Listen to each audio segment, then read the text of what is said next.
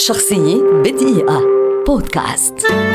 ولد الروائي الإنجليزي الشهير تشارلز ديكنز في السابع من فبراير عام 1812 اضطر لترك المدرسة وهو صغير وألحقه أهله بعمل شاق بأجر قليل حتى يشارك في نفقة الأسرة. وكانت تجارب هذه الطفولة التعسة ذات تأثير في نفسه فتركت انطباعات إنسانية عميقة انعكست على أعماله فيما بعد.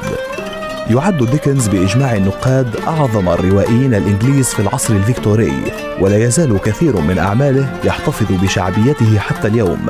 تميز أسلوبه بالدعابة البارعة والسخرية اللاذعة وصور جانبا من حياة الفقراء. من أشهر أعماله أوليفر تويست وقصة مدينتين وديفيد كوبرفيلد. لكن زملائه الأدباء مثل جورج هنري وهنري جيمس وفيرجينيا وولف عابوا أعماله لعاطفيتها المفرطة ومصادفاتها غير المحتملة وكذلك بسبب التصوير المبالغ فيه لشخصياته. توفي ديكنز عام 1870 بسكتة دماغية تاركا آخر رواياته سر أدوين درود غير مكتملة. شخصية بدقيقة. بودكاست.